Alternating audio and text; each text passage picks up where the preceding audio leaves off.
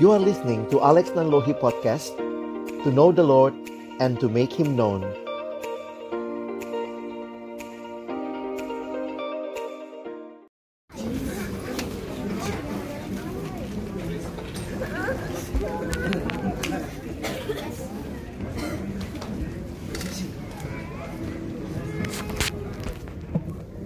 Selamat berbakti adik-adik sekalian. Tuhan memberkati. Kamu bertumbuh dengan baik. Bukan saja fisiknya, mentalnya, tetapi juga pengenalan akan Tuhan dalam hidupmu. Seperti kita Bapak Ibu, kiranya firman Tuhan yang tiap-tiap minggu kita dengar, bahkan tiap-tiap hari kita dengar, menjadi seperti air yang membersihkan Kiranya hati kita yang busuk, yang seperti kain kesumba, yang hitam, gambarannya begitu banyak ya tentang hati kita. Hitam karena begitu kotor, merah karena begitu uh, mengerikan, tetapi semuanya akan diubah menjadi putih oleh firman. Dan kiranya hari ini firman yang akan disampaikan oleh Evangelis Alex Nanlogi membaharui kita untuk lebih mengasihi dia. Mari kita siapkan hati kita untuk mendengarkan firman Tuhan dengan nyanyikan pujian Yesuslah Tuhan bagi bangsa kita, bagi hidup kita, bagi suku-suku, bagi siapa pun yang ada di dunia ini. Yesuslah Tuhan yang layak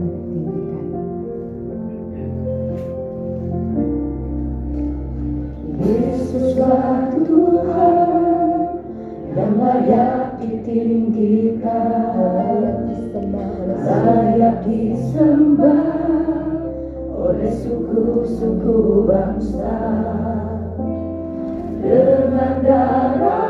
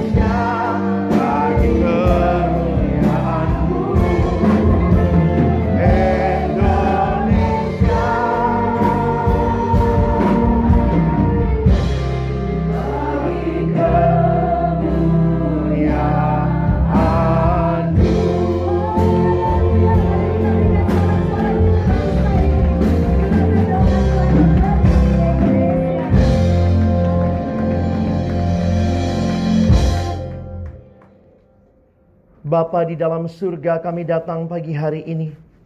Memuji memuliakan namamu. Memohon kepadamu ya Tuhan. Biarlah setiap kami hari ini boleh terbuka di hadapanmu ya Tuhan. Ketika kami akan juga membuka firman-Mu, bukalah juga hati kami. Jadikanlah hati kami seperti tanah yang baik. Supaya ketika benih firman Tuhan ditaburkan, itu boleh sungguh-sungguh berakar, bertumbuh dan juga berbuah nyata di dalam hidup kami. Berkati baik hambamu yang menyampaikan firman setiap kami yang mendengarkan. Tuhan tolonglah kami semua agar kami bukan hanya menjadi pendengar-pendengar firman yang setia. Tapi mampukan dengan kuasa dari rohmu yang kudus. Kami dimampukan menjadi pelaku-pelaku firmanmu di dalam hidup kami. Bersabdalah ya Tuhan. Kami umatmu sedia mendengarnya di dalam satu nama yang kudus. Nama yang berkuasa, nama Tuhan kami Yesus Kristus. Kami menyerahkan pemberitaan firman-Mu. Amin. Silakan duduk.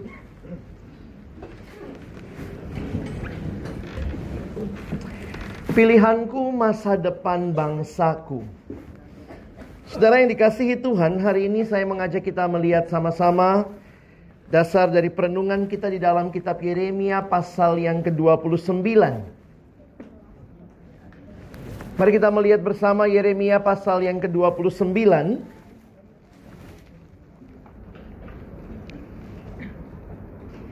Kita akan membaca ayat pertama sampai dengan ayat yang ke-11 saja. Yeremia pasal yang ke-29. Saudara, mari kita membaca ayat yang pertama sampai dengan ayat yang ke-11. Mari jika sudah menemukan, kita akan membaca bergantian. Saya akan mulai membaca ayat yang pertama. Mohon Bapak Ibu Saudara membaca ayat yang kedua. Kita bergantian sampai dengan ayat yang ke-11. Surat kiriman kepada orang-orang buangan di Babel. Beginilah bunyi surat yang dikirimkan oleh Nabi Yeremia dari Yerusalem kepada tua-tua di antara orang di antara orang buangan, kepada imam-imam, kepada nabi-nabi dan kepada seluruh rakyat yang telah diangkut ke dalam pembuangan oleh Nebukadnezar dari Yerusalem ke Babel.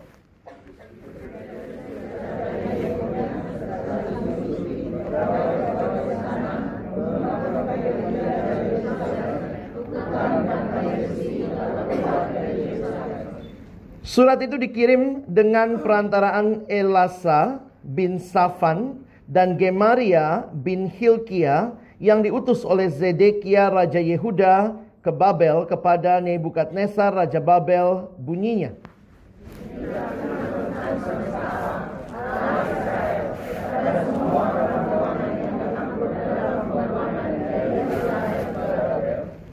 Dirikanlah rumah untuk kamu diami, buatlah kebun untuk kamu nikmati hasilnya.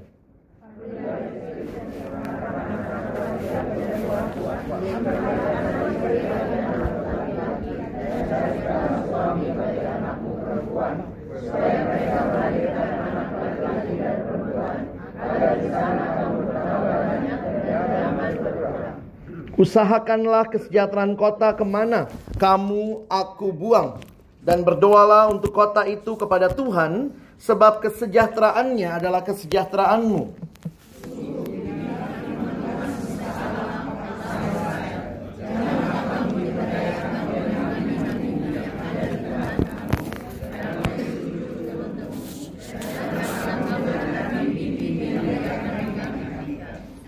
Sebab mereka bernubuat palsu kepadamu demi namaku. Aku tidak mengutus mereka, demikianlah firman Tuhan.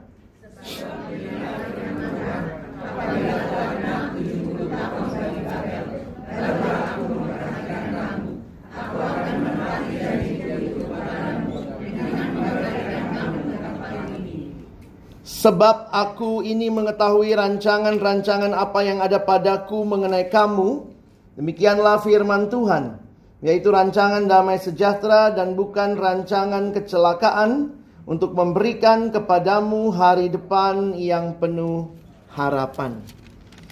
Saudara yang dikasihi Tuhan, Waktu kita membaca surat kiriman ini kita perlu tahu konteksnya sedikit terlebih dahulu. Ketika Israel melawan Tuhan dan ketika akhirnya Tuhan menjatuhkan penghukuman kepada mereka. Bentuk hukuman Tuhan adalah membuang mereka. Membawa mereka ke pembuangan di Babel. Kurang lebih jarak seribu mil dari Yerusalem. Babel menjadi tempat di mana mereka dibuang. Dan kalau saudara memperhatikan hal yang menarik, di dalam Allah memberikan kepada umatnya sebuah perjanjian, Allah memberikan kepada mereka tanah. Jadi kalau saudara memperhatikan bagaimana ikatan Allah dengan umatnya, tanah menjadi hal yang penting buat mereka. Sehingga dibuang dari tanah, itu sangat menyedihkan hati mereka. Mereka melihat bahwa Tuhan tidak peduli lagi dengan mereka. Dan di dalam situasi itu, kalau saudara perhatikan, tentu tidak mudah bagi orang Israel yang dibuang dari tanah mereka, ada di Babel, dan kalau saudara ada di pembuangan seperti mereka, kira-kira pengen dengar berita apa? pulang. Ayo pulang lagi. Saudara, kalau kita dengar kata pulang, pengennya memang gitu ya. Kampung halaman, kita mau kembali lagi ke tempat di mana dulu kita besar di sana, mungkin kita hidup di sana. Dan kalau kita perhatikan, pengennya pulangnya cepat-cepat atau lama. Tentu maunya cepat, saudara ya. Sehingga di dalam situasi seperti inilah, ketika Allah membuang mereka dari tanah mereka, ada dua berita yang datang. Ada berita yang mengatakan sudahlah nggak lama kamu ada di Babel. Karena itu nggak usah ngapa-ngapain di Babel. Tunggu aja. Tidak lama Tuhan akan kalahkan dan kamu akan dibawa pulang kembali ke Yerusalem. Berita yang satu yang kurang populer bilangnya kita bakal di sini 70 tahun. Saudara kalau jadi orang Israel waktu itu pengen dengernya yang mana? Yang dua tahun apa yang 70 tahun saudara? Pengennya yang 70 tahun. Pengennya yang dua tahun langsung balik begitu kali ya. Sehingga kalau saudara melihat konteks dari surat buah, uh, surat kiriman Nabi Yeremia ini, saudara bisa melihat bagaimana Tuhan memberikan kepada mereka satu penghukuman tetapi, ya ini yang harus kita ingat. Penghukuman Tuhan bukan untuk menghancurkan, tetapi untuk memurnikan mereka. Karena itu setelah itu ada janji pemulihan. Mereka akan dipulihkan kembali. Dan apa yang menarik yang kita perhatikan di dalam surat kiriman ini. Saya mau mengajak kita sama-sama memperhatikan apa yang menjadi isi dari surat kiriman ini ketika Tuhan berbicara kepada bangsa Israel, sehingga ini bisa menjadi patokan paling tidak buat kita yang bukan Israel, bagaimana bersikap. Israel ada bangsa ini ada di luar negeri, kira-kira begitu ya. Ini bukan lagi debat calon presiden semalam ya. Tapi kira-kira apa arahan firman Tuhan tentang politik luar negeri mereka? Bagaimana Israel bertindak di tengah-tengah bangsa yang mereka sedang dibuang di situ. Dan to, saudara saya harap ini juga jadi refleksi buat kita. Saudara mari perhatikan sebentar. Ada nabi yang lain yang muncul sebelumnya. Kalau saudara perhatikan pasal 28. Nabi Yeremia lawan Nabi Hananya. Hananya ini yang beritanya lebih enteng. Nggak lama kok di sini. Yeremia beritanya 70 tahun.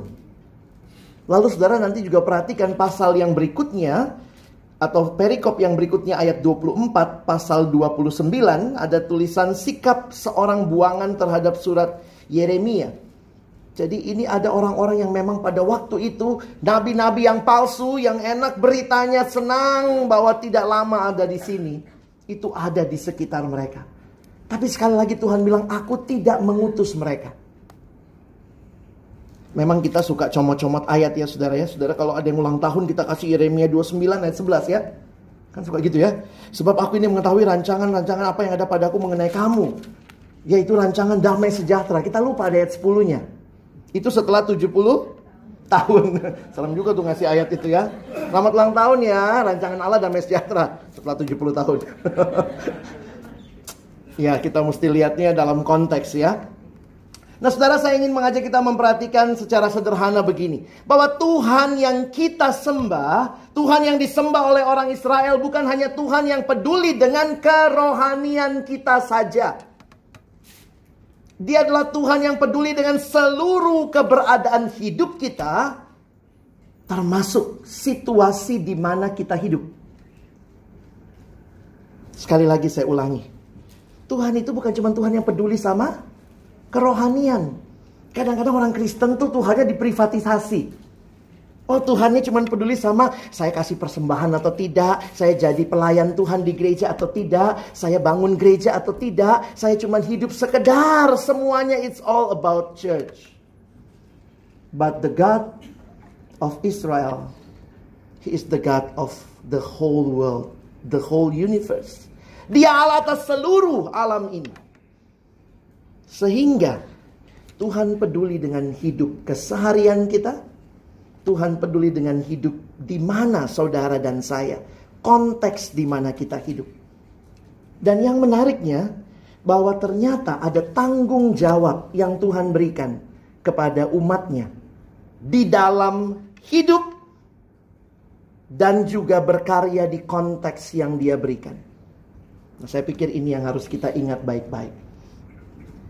Jangan mengecilkan Tuhan, jangan memprivatisasi Tuhan, dan kemudian seolah-olah semua hanya urusan saya, Tuhan, gereja, selesai. Orang bilang gereja jangan berpolitik, tapi gereja harus care dengan politik. Karena Tuhan aja care sama politik. Gereja harus care dengan hidup sehari-hari. Ya, jangan cuma hari Minggu kelihatan baik, tapi bagaimana besok masih makan nggak jemaatnya? Tuhan peduli. Kadang-kadang kita tuh pilih-pilih. Apa istilah sekarang? Tebang pilih ya. Kayaknya kalau yang ini ada Tuhannya. Kalau urusan nikahin anak tuh urusan keluarga, budaya. Nggak bukan urusan Tuhan. Nanti kalau urusan bangun rumah, itu urusan pribadi. Makanya di situ Feng Shui dipakai. Nanti kalau nanti urusan investasi, oh itu urusan bisnis. Ya Tuhan nanti nomor berapa lah, kira-kira begitu ya. Saya waktu perhatikan surat buangan, surat kiriman kepada orang buangan ini. Tuhan sungguh-sungguh peduli dengan setiap hal yang terjadi dalam diri umatnya. Bahkan surat ini memberikan kepada kita beberapa hal. Tentu yang pertama yang saya ingin angkat. Bahwa orang Israel punya identitas yang berbeda. Memang tidak kelihatan jelas dalam surat ini, tapi ada satu kalimat yang muncul di dalam ayat yang kita baca tadi, supaya di sana kamu bertambah banyak dan jangan berkurang. Saudara perhatikan, yang pertama yang saya ingin bagikan kepada kita bahwa penting sekali sebagai umat Allah, kita kenal dan tahu identitas kita. Ingat baik-baik identitas kita. Ini penting, saudara. Bagi umat Israel pada waktu itu mereka memang ada di dalam bangsa yang tidak kenal Tuhan atau tidak kenal Tuhannya mereka. Identitasnya harus bagaimana saudara? Ada dua pilihan. Di pembuangan mereka bisa melakukan asimilasi. Asimilasi berarti jadi sama dengan penduduk lokal. Nah ini juga sering terjadi Israel begitu ya. Allahnya orang itu disembah juga. Israel memang gimana saudara ya? Dulu dosen saya bilangnya Israel itu taunya Allah Yahweh itu jago perang. Makanya kalau mereka bicara perang-perangan tuh Allahnya Yahweh, saudara. Itu udah otomatis gitu. Wah Yahweh. Mereka lupa Allah Yahweh ini Allah atas alam semesta. Sehingga waktu mereka masuk ke Kanaan waktu itu. Ketika bicara pertanian mereka langsung aduh Yahweh mah biasanya perang. Bukan macul. Karena itu dia cari dewa Baal. Jadi akhirnya dewa yang ya yang dicari yang paling pas lah, kira-kira begitu ya. Sehingga Tuhan berkata, "No. Kamu selingkuh. Kamu bersinah secara rohani. Istilah itu yang dipakai ketika Israel menyembah Allah yang lain. Saudara yang dikasihi Tuhan penting sekali kita tahu identitas kita dan identitas yang terkait dengan Allah pilihannya bisa asimilasi jadi sama dengan orang di mana mereka dibuang atau pilihannya yang kedua isolasi. Ya sudah, masuk aja, bikin ghetto sendiri, pisah dari masyarakat, pokoknya kami hidup tidak mau berbaur. Identitas yang Tuhan mau bukan seperti itu, saudara. Pegang identitasmu, tapi hadir di dalam dunia. Tentu di dalam iman tidak bergeser, tetapi iman yang tidak kemudian melulu tentang diri kita, tapi bagaimana boleh merangkul apa yang ada di sekitar kita. Saudara ini memang sulit ya untuk diterjemahkan. Larut tapi tidak kehilangan rasa, kira-kira gitu. Atau misalnya saya ingat itu ya, kalau pramuka zaman dulu waktu nyebrang sungai, kita tuh pegang tali. Jadi talinya sini sampai sana. Kalau arusnya deras, pokoknya kadang-kadang kaki kita agak melayang sedikit gitu ya. Tapi tetap talinya kita pegang. Karena apa? Itu pegangan kita. Kita tanda kutip seolah-olah hanyut tapi tidak terbawa arus. Wah itu susah pilihannya. Di dalam perjanjian baru Yesus bilang kamu garamnya dunia. Jadi identitas kita adalah identitas di dalam dunia tapi tidak sama dengan dunia. Itu kalimat Yesus. In the world but not of the world. Di dalam dunia tapi bukan bagian dari dunia. Harus jelas bedanya saudara. Waktu baca itu memang kalimatnya gitu ya. Tuhan nggak bilang kamu adalah garam. Bapak ibu baca baik-baik. Tuhan nggak bilang begitu. Kamu adalah garam, kamu adalah terang. Tuhan bilangnya kamu adalah garam dunia. Jadi di mana tempat kita berfungsi di dunia, garam kalau cuma tinggal di tempat garam, garam kalau dibungkus plastik nggak guna juga saudara ya. Kamu hadirnya dalam dunia. Saya dulu cerita tuh pernah ke mana tuh? Ke puncak lalu kaget gitu. Ada perahu pinisi dulu di puncak ya. Saya lupa di bagian mana kalau nggak salah sebelah kiri jalan. Lalu perahu itu bagus gede gitu kayak perahu Nuh ya. Bahtera eh tapi tempat jualan baju sama restoran. Saya jadi mikir gitu, sebagus-bagusnya kapal kalau adanya di puncak nggak guna saudara. Garam harus hadir di dalam dunia. Kenapa? Karena dia garam dunia. Garam jangan kumpul sama garam saudara, nanti jadi gudang garam. Harus hadir di dalam dunia. Terang juga, terang itu hadir. Menerangi kegelapan dunia. Jadi kalau saudara perhatikan ketika Allah menyurati mereka, Allah menegaskan lagi identitas mereka yang pada waktu itu dipenuhi dengan salah satunya. Kamu makin bertambah banyak and your identity as a nation is still there. Bangsa yang bagaimana? Bangsa yang ada di pembuangan tidak jadi sama dengan mereka. Tetap Allahnya adalah aku. Jangan berkurang di sana. Saudara, tapi yang kedua, dan saya pikir ini yang lebih berkaitan dengan poin kita hari ini, adalah perhatikan ayat yang ketujuh, saudara. Mungkin dari ayat yang ayat yang ketujuh saudara bisa lihat ya. Usahakanlah kesejahteraan kota ke mana kamu aku buang. Dan berdoalah untuk kota itu kepada Tuhan sebab kesejahteraannya adalah kesejahteraanmu. Saudara perhatikan ada panggilan aktif untuk berperan di tempat di mana Tuhan hadirkan mereka. Identitas mereka bukan identitas eksklusif ke dalam, tetapi identitas yang memberkati. Identitas yang aktif. Dan waktu saya perhatikan ini menarik sekali saudara ya. Dari ayat yang kelima Tuhan tuh care sama kehidupan sehari-hari. Jadi kalau masih 70 tahun di sini mau gimana? Mau makan apa? Ayo. Ayat 5. Dirikanlah rumah untuk kamu diami. Buatlah kebun untuk kamu nikmati hasilnya. Kalau cuma dua tahun, ya udah. Beli aja makan gitu. Kayak anak kos ya. Beli makan aja. Makanya orang awalnya kos ya. Lama-lama kalau udah merit kan beda juga ya. Pengen makan apa gitu. Mulai punya dapur. Beda tuh. Beli rumah ada dapurnya kan. Kalau rumah cuma kamar doang itu rumah kosan saudara ya. Kenapa? Dapur itu penting karena mau makan apa. Nah waktu itu mereka, ini bakal 70 tahun. Ngapain? Ayo dirikan rumah. Jangan camping di tenda. Beberapa penafsir mengatakan waktu itu mungkin mereka mikirkan, ya sudahlah.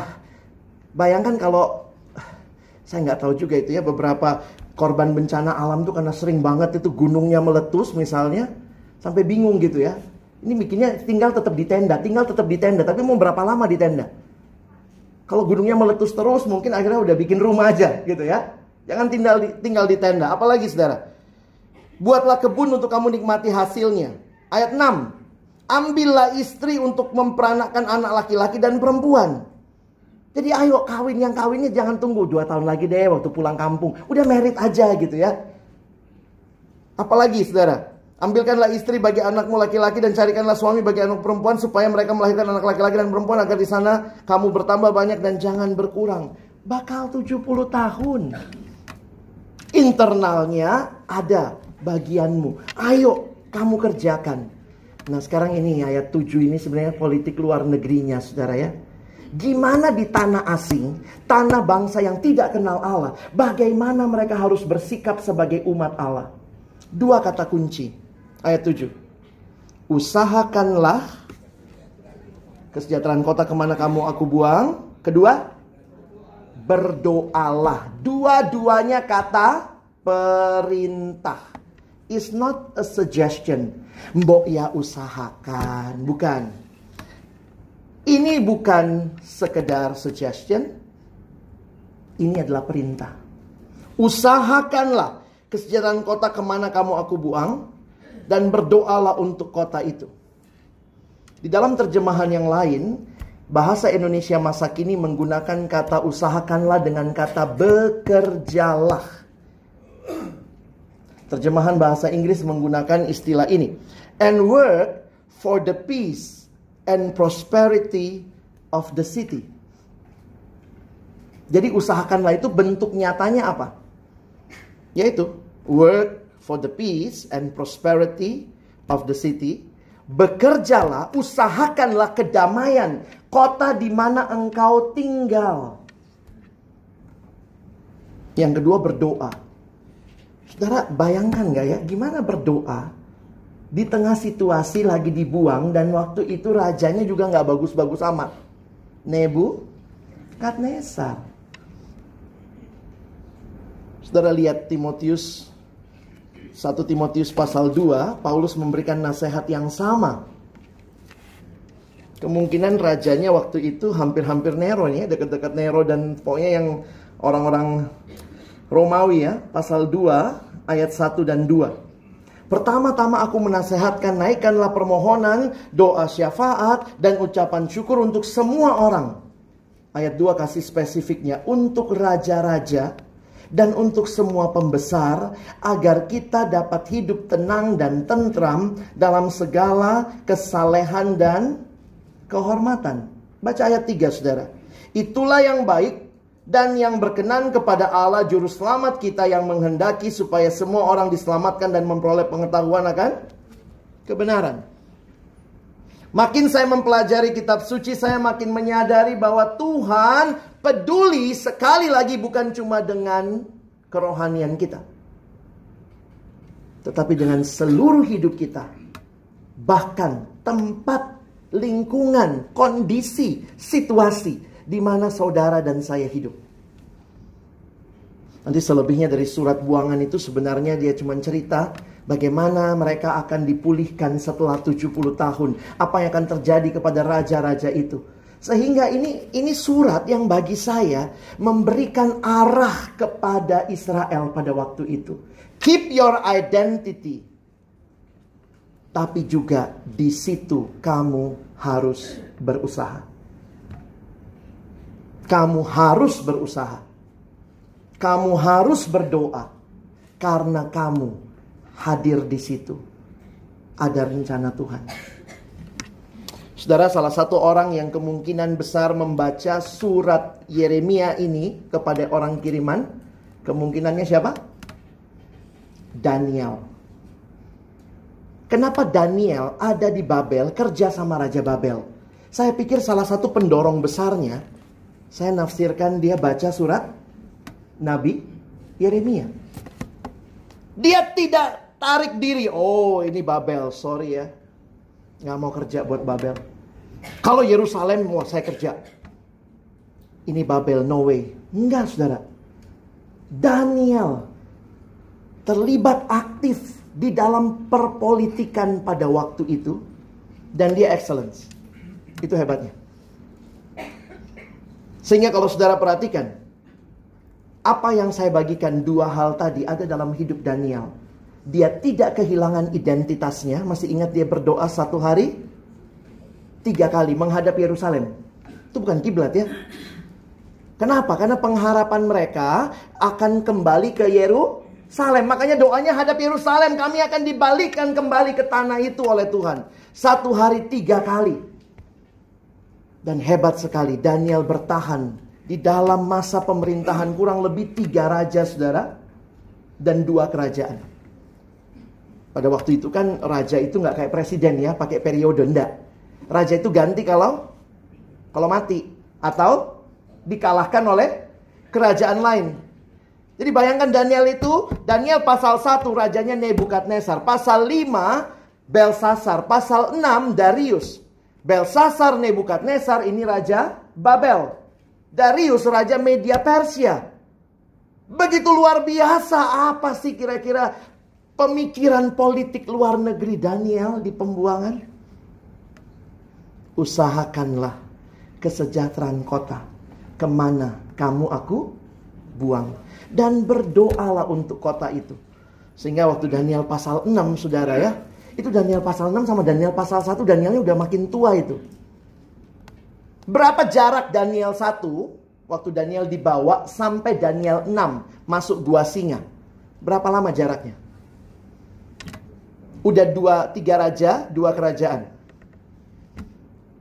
Ada ahli penafsiran dia bilang begini.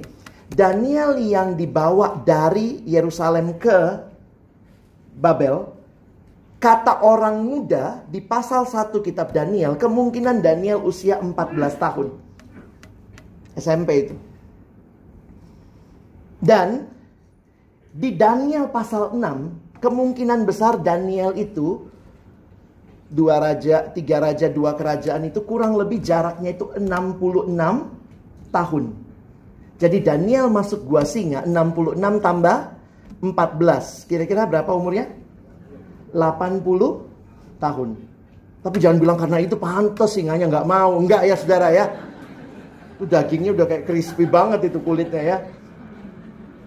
Tapi saya lagi mikirin apa sih yang membuat orang ini bertahan begitu rupa. Saya yakin salah satunya suratnya Yeremia. Keep your identity and at the same time seek the prosperity of the city, of the nation, and pray for the leaders.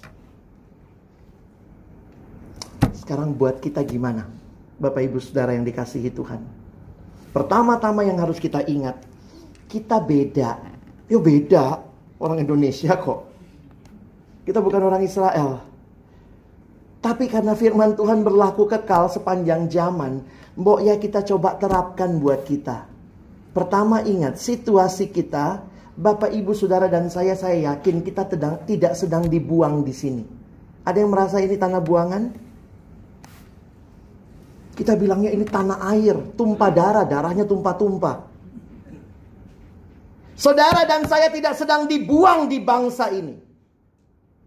Kalau bagi Israel, yang politik luar negerinya di pembuangan saja begitu rupa mengusahakan kesejahteraan kota, saya kok takut ya kalau orang Kristen ngerasa di bangsa ini cuma jadi orang yang sambil lewat, orang yang cuma numpang hidup, orang yang cuma pengennya enak aja gitu ya. Di Pak Yung doa ya. Bilangnya banyak yang mungkin pergi ke luar negeri nih pas pemilu ya. Ngeri Pak, ngeri, benar ngeri pertemuan dengan beberapa teman terakhir bicara memang salah satu yang dipermainkan itu sebenarnya hasil lembaga survei. Karena hasil lembaga survei itu makin banyak, Tahun 2014 banyak lembaga survei, tapi lebih sedikit dari yang sekarang. Dan tahun 2014 itu kita ketahuan yang abal-abal, saudara ya. Sekarang kayaknya nggak tahu yang mana yang abal-abal. Kompas aja hasilnya begitu. Bapak Ibu nangkep ya poinnya ya. Sehingga di tengah situasi seperti itu ini, salah satu yang ditakutkan setelah pemilu adalah semua klaim menang karena pakai lembaga survei masing-masing. Dan lembaga surveinya tipis-tipis loh saudara ya. Jujur aja saudara, kalau bicara takut ya kita semua takut. Tapi poin utamanya bagi saya pertama, terutama apakah saudara betul-betul merasakan ini bangsa kita? Kita memang ditempatkan Tuhan di bangsa ini. Kita tidak sedang dibuang di sini. Saudara ada 10 hal dalam hidup katanya yang kita nggak pernah bisa milih. Itu Tuhan yang ngasih. Contoh. Kita nggak pernah bisa milih mau lahir di keluarga apa. Ya, ada yang pernah milih? Saya minta dong lahir di keluarganya si ini. Yang kedua, kita nggak pernah pilih mau jadi suku apa. Ada bapak ibu yang pesan suku? Saya Ambon dong. Saya Tionghoa dong. Saya Manado dong. Kita nggak pernah bisa milih. Makanya orang kalau menikah lalu yang dia dia nyalahin nggak nggak boleh sama suku itu. Saya juga bingung itu ngelawan Tuhan itu sebenarnya. Sorry ya bapak ibu ya. Kadang-kadang kita bilang kamu anak orang Tionghoa harus sama Tionghoa juga. Lo orang itu kan nggak pernah milih jadi Tionghoa. Saya punya teman ini, anaknya dapat Batak orang Tionghoa. Bergumul bapaknya. Oh, majelis gereja nggak mau sama Batak. Ya mungkin juga yang Batak juga nggak mau sama Tionghoa. Lo saudara melawan Tuhan lo. Tuhan kenapa jadiin dia Batak? Coba kalau Chinese, Tionghoa langsung merit ini. Kadang-kadang ngeri ya kita tuh Gak bisa milih Bapak Ibu. Bapak Ibu juga gak bisa milih mau jadi orang apa. Benar ya? Bangsa mana?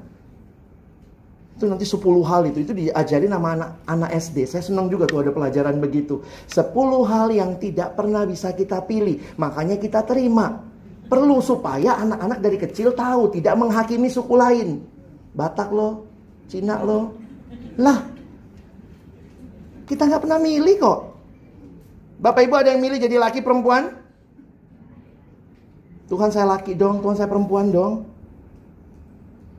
Kita nggak bisa milih, saudara. Golongan darah, ada yang pernah milih? Saya A, saya AB, saya C. Nanti Bapak Ibu bisa lihat, urutan lahir juga. Kenapa dia koko? Makanya bagaimana menghayati itu, ada kalimat bijaksana namanya serenity prayer. Tuhan, tolong kami mengubah hal-hal yang bisa kami ubah. Kalau bisa diubah ya diubah. Tolong kami menerima hal-hal yang tidak bisa kami ubah. Dan tolong kami bisa membedakan keduanya. Nah itu penting. Lord help me to accept the things that I cannot change. And help me to change the thing that I can change. And help me to discern both of them. Kadang-kadang yang bisa diubah kita nggak mau ubah. Saya memang pemarah, mau apa? Itu bisa diubah.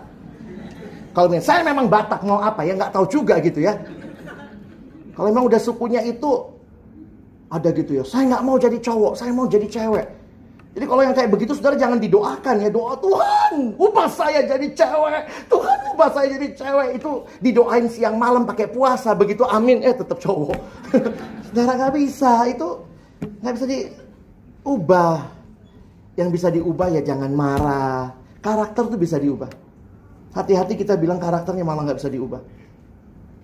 Sehingga waktu saudara memperhatikan hal ini, kembali lagi kita tidak sedang dibuang di tanah ini. Kalau kita yakin Tuhan kita berdaulat, Dia punya rencana. Tuhan hadirkan saudara di bangsa ini. Juga ada rencana Tuhan. Keep your identity as a Christian. But at the same time, usahakan kesejahteraan kota ke mana kamu aku buang. Saya jujur sangat sedih mendengar banyak katanya, khususnya generasi muda yang mau golput. Ada yang debat saya. Jangan dihubung-hubungkanlah firman Tuhan sama golput. Nggak ada itu di Alkitab. Oh gitu. Waktu saya merenungkan ini, saya jadi memikirkan. Kalau buat Israel yang waktu itu di pembuangan, dia harus terlibat secara aktif. Maka berlebihankah kalau saya mengatakan bahwa di tengah-tengah kita bangsa Indonesia, kita ditempatkan di bangsa ini. Tuhan yang sama minta saudara dan saya terlibat. Bukan angkat tangan, bukan lepas tangan, bukan cuci tangan. Itu yang sering kali diambil menjadi sikap golput. Di beberapa negara golput berhasil karena mereka memang menjadi satu gerakan yang kuat. Bisa melakukan sesuatu dengan mengatakan kami tidak mau memilih. Tapi sistem kita nggak gitu saudara. Pelajari lagi. Sistem kita agak sulit. Dan saya melihat memang golput itu hak. Sama seperti memilih itu hak. Jadi itu hak orang dong. Tapi saya kok sebagai orang Kristen, sebagai hamba Tuhan menggumulkan teks ini. Saya harus katakan, saya melihat kita jadi garam dan terang itu harus hadir di dalamnya.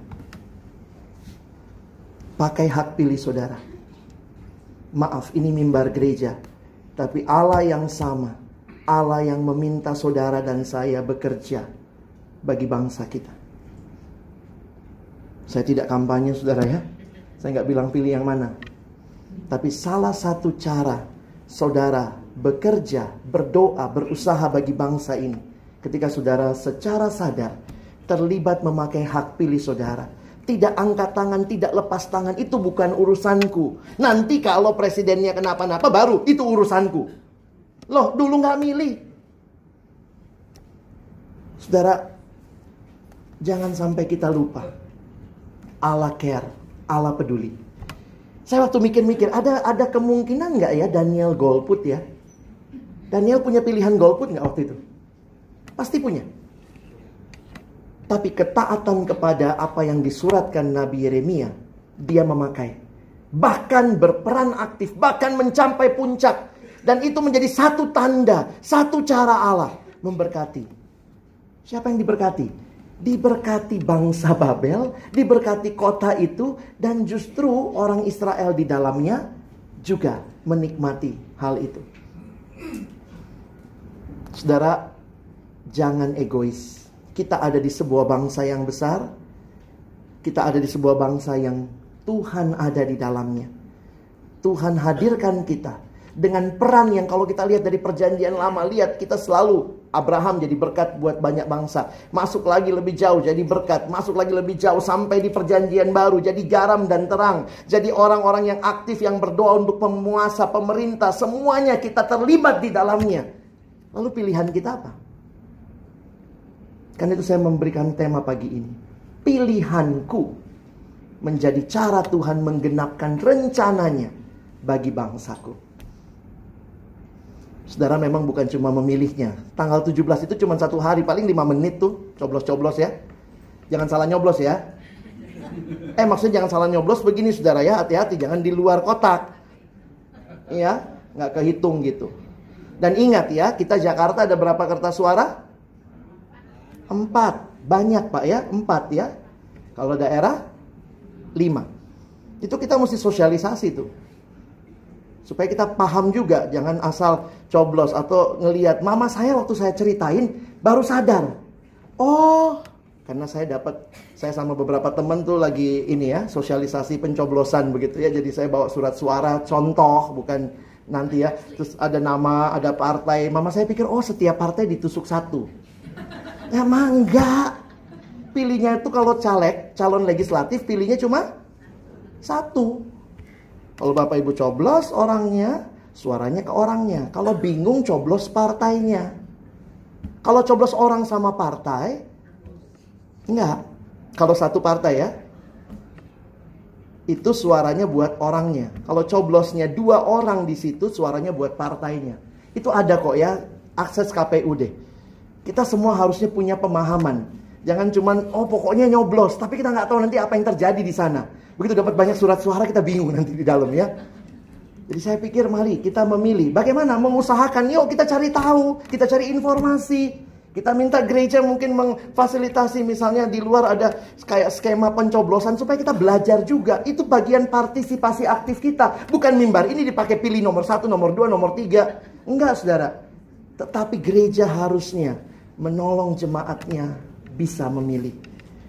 Bagaimana memilih dan akhirnya kita berdoa. Masa depan bangsa kita. Tuhan berikan juga melalui pilihan kita. Kiranya Tuhan menolong kita menjadi anak-anaknya yang punya beban buat bangsa ini. Amin. Mari kita berdoa. Bapak Surgawi terima kasih banyak buat firman-Mu pagi ini. Tuhan sekali lagi kami tidak sedang dibuang di bangsa ini. Tapi Tuhan hadirkan kami di tengah-tengah bangsa yang di dalamnya kami boleh melihat kepada Tuhan. Bangsa yang di dalamnya kami tahu apa yang sedang terjadi, untuk pemilihan pemimpin bangsa kami, baik presiden, legislatif, DPD, adalah cara Tuhan untuk mengusahakan kesejahteraan kota di mana kami hadir. Tuhan tolong kami berbagian di dalamnya. Semakin menjelang pemilu ini Tuhan, berikan keamanan, kedamaian. Biarlah kami menaikkan doa-doa kami untuk keamanan, ketenangan bangsa kami. Kami bagian dari bangsa ini. Dan Tuhan Pertarungan yang sesungguhnya bukan selesai di 17 April. Tapi bagaimana seterusnya kami semua siapa pun yang terpilih akan ikut berbagian menjadi warga negara yang aktif membangun bangsa kami. Tuhan tolong kami memandang kepadamu dan juga menjadi berkat di tengah-tengah konteks bangsa kami. Biarlah pilihan kami menjadi cara Tuhan menggenapkan rencanamu bagi Indonesia, bangsa yang besar yang di dalamnya kami rindu Engkau dimuliakan dan ditinggikan. Di dalam nama Tuhan Yesus kami bersyukur, kami berdoa. Amin.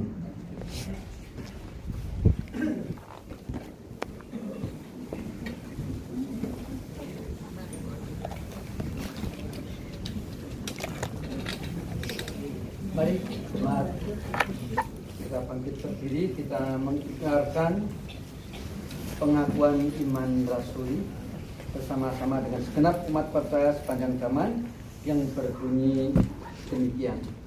Aku percaya kepada Allah, Bapa yang Maha Kuasa, langit dan bumi, dan kepada Yesus Kristus, anaknya yang tunggal Tuhan kita, yang dikandung daripada roh kudus, lahir dari anak Maria, yang menderita di bawah pemerintahan Pontius Pilatus, disalibkan, mati dan dikuburkan, turun ke Hari yang ketiga, bangkit pula dari antara orang mati, naik surga, duduk di sebelah kanan Allah, Bapa yang Maha Kuasa, dan akan datang dari sana untuk menghakimi orang yang hidup dan yang mati. Aku percaya kepada Kudus, persekutuan orang kudus, pengampunan dosa, kebangkitan daging, dan hidup yang kekal. Amin silahkan duduk ya, tiba waktunya kita akan memberikan persembahan memberikan yang terbaik untuk Tuhan sekaligus sebagai satu terminal. Tuhan terlebih dahulu sudah mencukupkan bahkan memberikan kepada apa yang kita butuhkan secara berlimpah. Mari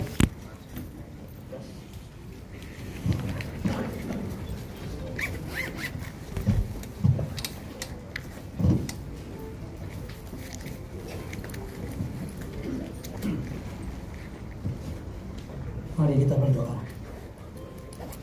Bapa, mampukan kami untuk memahami firman sehingga kami menjadi berbeda dengan dunia ini. Karena kami hidup seturut dengan firman Terima kasih buat hamba Tuhan Evangelis Alek Anohi yang telah menyampaikan sebagian daripada firman-Nya. Bapak di surga, sekali lagi kami mengucap syukur dan terima kasih atas anugerah dan berkat yang Tuhan curahkan bagi kami anak-anakmu. Kalau sebentar kami masih diberi kesempatan untuk memberikan persembahan, kiranya Tuhan gerakan gerakin hati kami agar dapat memberi yang terbaik bagi pekerjaan Tuhan di tempat ini. Dan hendaklah masing-masing memberikan menurut kerelaan hatinya. Jangan dengan sedih hati atau paksaan. Sebab Tuhan mengasihi orang yang memberi dengan sukacita. Sucikan dan kuduskan tangan-tangan yang mengelolanya agar dapat dipergunakan untuk kemuliaan namamu saja. Dalam nama Tuhan Yesus kami telah berdoa dan mengucap syukur. Haleluya. Amin. Diiringi pujian betapa kita tidak